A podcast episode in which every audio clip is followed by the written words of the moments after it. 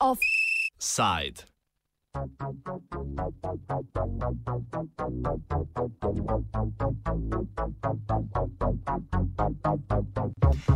Koliko hrupa tvori hrup?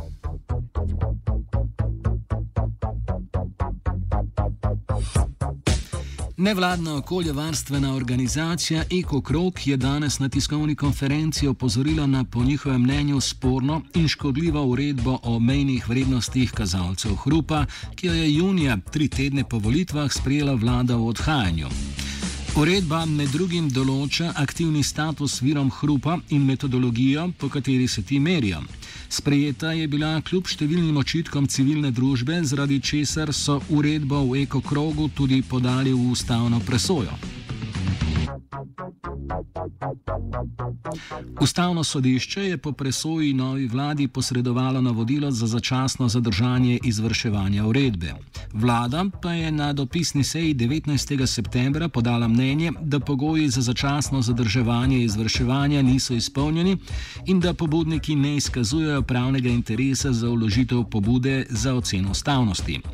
Uvod v problematiko nam poda Uroš Macerl, predsednik društva EcoKrog. Tiskovno konferenco smo sklicali uh, predvsem zaradi tega, ker je vlada, stara, prejšnja vlada, stara vlada, uh, tri tedne po volitvah, v času, ko je uh, po zakonu lahko upravljala samo tekoče posle, po našem mnenju nezakonito speljala in sprejela uredbo Hrup.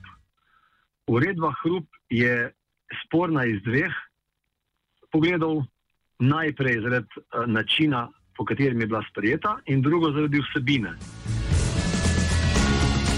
Sprememba uredbe med drugim ukinja status hrupa nekaterim virom, za katere bi predhodno država morala zagotavljati protihrupne ukrepe. Maceralo piše spremembe, ki jih v ekokrogu vidijo kot problematične.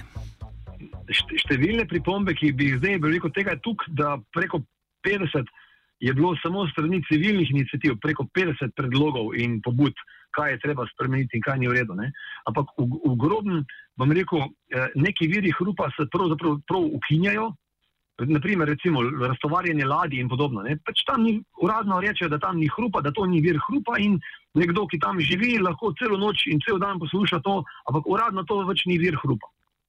Recimo, ceste, ki so bile prej uh, z toliko številom uh, avtomobilov na leto podvržene raznim meritvam in so bile v primeru prekomernega hrupa bili dolžni eh, izvediti ukrepe, so se te normativi seveda spremenili v smer, da niso več problem. Ne? In uh, če, če dalje več v, v vsega dokazovanja je pravzaprav po, polagajo na, na denarnico in na pleča tistega, ki je podvržen hrupu. Pomeni, ti moš sam plačati izvajanje, meritev hrupa, vse, vse dokazovanje, vse naprej, kar je pa seveda ne mogoče. Cel sistem so, so obrli tako, da gre za neko vrsto razgradnjo uh, sistema varovanja pred hrupom. Ne. V ekokrogu kot predmet spora vidijo že način sprejetja uredbe.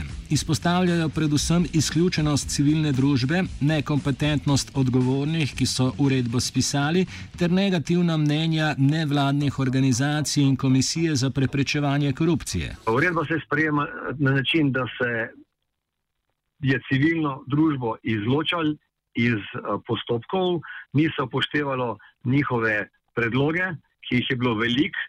In uh, bom rekel, v tem primeru je bila Arhuška konvencija v celoti kršena. Po drugo, ker je bila je narejena brez uh, pravilnih in strokovnih podlag. Uh, opravljala je uh, rekel, um, strokovna oseba, odgovorna, ki je to peljala na Ministrstvo za okolje in prostor in ki je bila za to odgovorna, je oseba, ki do sedaj in prej ni imela nobenih uh, izkušenj s hrupom in nobenih kompetenc, da bi lahko delala s hrupom. Naslednje, kar je potrebno povdariti, da je proti takemu načinu se je, eh, so se odzvale vse civilne inicijative, nevladne organizacije, KPK eh, je dal negativno mnenje in eh, povdaril, da gre za izredno nepregleden, netransparenten postopek, ki daje korupcijska tveganja in tako naprej in se je, je bil nasproti temu, da se tak, taka uredba sprejme. Potem varuhinja človekovih pravic je bila proti tem in je imela eno kupico pripomp na to. In na zadnje, kar je zelo pomemben, Nacionalni inštitut za javno zdravje, ki je bil na nek način posvetovalni organ Ministrstva za okolje in prostor glede te uredbe, je dal negativno mnenje, češ da ta uredba samo poslabšuje že tako slabo stanje v, na področju hrupa in da samo privilegira kapital in pa, bom rekel, degradira, degradira sistem nadzora in pa varovanja pred hrupom. Macaral sporno ravnanje nove vlade vidi v njenem odzivu na presojo ustavnega sodišča, ko je na dopisni seji podala mnenje, da, da pobudniki ne izkazujejo pravnega interesa za vložitev pobude. Posebej izpostavlja novega ministra za okolje in prostor Jureta Lebna in njegove predvolilne obljube o vključevanju javnosti in prioritetnem reševanju okoljskih problematik. Na prvi dopisni seji je ta vlada že poskrbela, da se bo očitno okrog nje dvigala dosta hrupa. Ne? In je uh, glede na svoje volilne obljube, ki so jih dajali, ne? tako uh, predsednik vlade, kot da ne govorimo o aktualnem ministru, ki je bil prej na ministrstvu za infrastrukturo, odgovoren za promet, in je uh, na zaslišanju obljubljal, da bo postavil posameznika in okolje in zdravje na prvo mesto da bo poskrbel, da bo civilna družba vstopala v vse postopke odločanja, da bomo na dveh nivojih delali, da bomo sodelovali že na, na samih pripravah podlag za tako zakonodajo, je vlada sprejela in uh, obravnavala na, na prvi seji uh, dopis iz uh, ustavnega sodišča, ki je pozval naj zadrži izvajanje uredbe Hrup. No, in kar je absurdno, zaradi čega je danes tudi razlog za današnjo tiskovno konferenco, je pa seveda to, da se je vlada odzvala na način, ki, ki bom rekel, človeka malo ozemlji. In sicer oni so se postavili na stališče, da bojo ustavno sodišče naučili, kdo ima tukaj zdaj pravno podlago za uh, vstopati v take postopke. Oni so odgovorili, da naj jim sodišče podaljša uh, 30-dnevni rok, če je materija zahtevna in da bodo v tem času dokazali, da ekokrok in posamezniki, ki smo dali to uh, pobudo za ustavno presojo, nismo, nimamo izkazanega pravnega interesa. Pri tem Maceral omenja dva dokumenta, ki sta po mnenju društva najbolj sporna.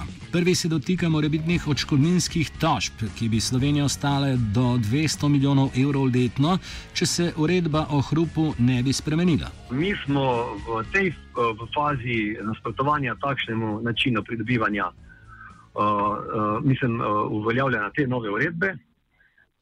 Uh, pridobili dva dokumenta, ki sta zelo, zelo sporna. Ne? Eden je dokument, ki, v katerem dokazuje uh, neposredno uh, ministrstva za infrastrukture v ministrstvo za okolje in prostor, kjer je dokument, kjer je sekretarka na ministrstvu za okolje in prostor pisala ministrstvo za, mislim, sekretarka na ministrstvo za infrastrukturo pisala ministrstvu za okolje in prostor, čež da je trenutno v Sloveniji 180 tisoč ljudi, ki so podvrženi prevelikemu hrupu, da lahko odškodninsko zahtevajo odškodninske tožbe in da je treba, da bi to Slovenijo letno stalo okrog 200 milijonov letno. In da je treba to uredbo hrup pač napisati tako, da se tem ljudem odpravi možnost in oduzame možnost za takšne odškodninske tožbe. Ne? Ker pomeni, da uredba hrup ni zapisana in ni narejena za to, da bo izboljšanja stanja na področju hrupa, ampak ravno nasprotno. Ne?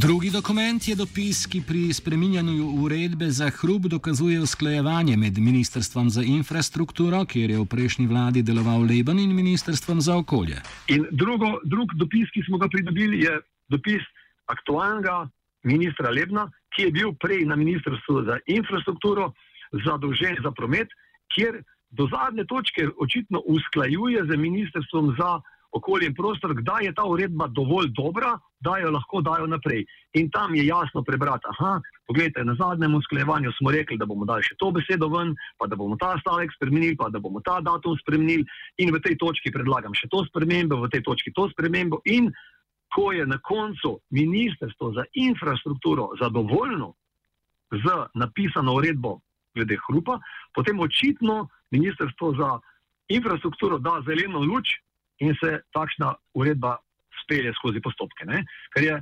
katastrofalno, ker gre, po mojem mnenju, za kriminalno dejanje na vrh, na vrh države. Učinki hrupa v okolju, kjer hrup ni pravilno reguliran, lahko imajo trajne posledice za zdravje posameznika. Maceral se sprašuje, zakaj se evropske institucije tega zavedajo, domače pa ne. Treba vedeti, da je hrup po WHO-ju, potem, kar pač zdravniki povejo, drugi, drugi vpliv iz okolja po PM delcih, ki najbolj vpliva na zdravje ljudi. Ne, hrup, mogoče tisti, ki ga dejansko ne doživljajo, ki ne živijo v takem okolju, si mogoče niti predstavljati ne morejo, na, na kakšno, bom rekel, eh, kako eh, grobo vpliva na zdravje človeka. Ne. Ampak tisti, ki pa ne prestanejo, živijo v tem hrupu, pa pač um, raziskave jasno pokazujejo, da je to po, po, za, za prašnimi delci drugi največji uh, faktor, ki vpliva na človeško zdravje. In uh, Evropska komisija, oziroma Evropska politika, gre še v strožje zaostrovanje teh mejnih vrednosti in v večje varovanje ljudi pred hrupom, ne? na, na kar pa očitno, da se mi odzivamo ravno obratno. Offside je pod vitežnikovim očesom pripravil vanec Jure.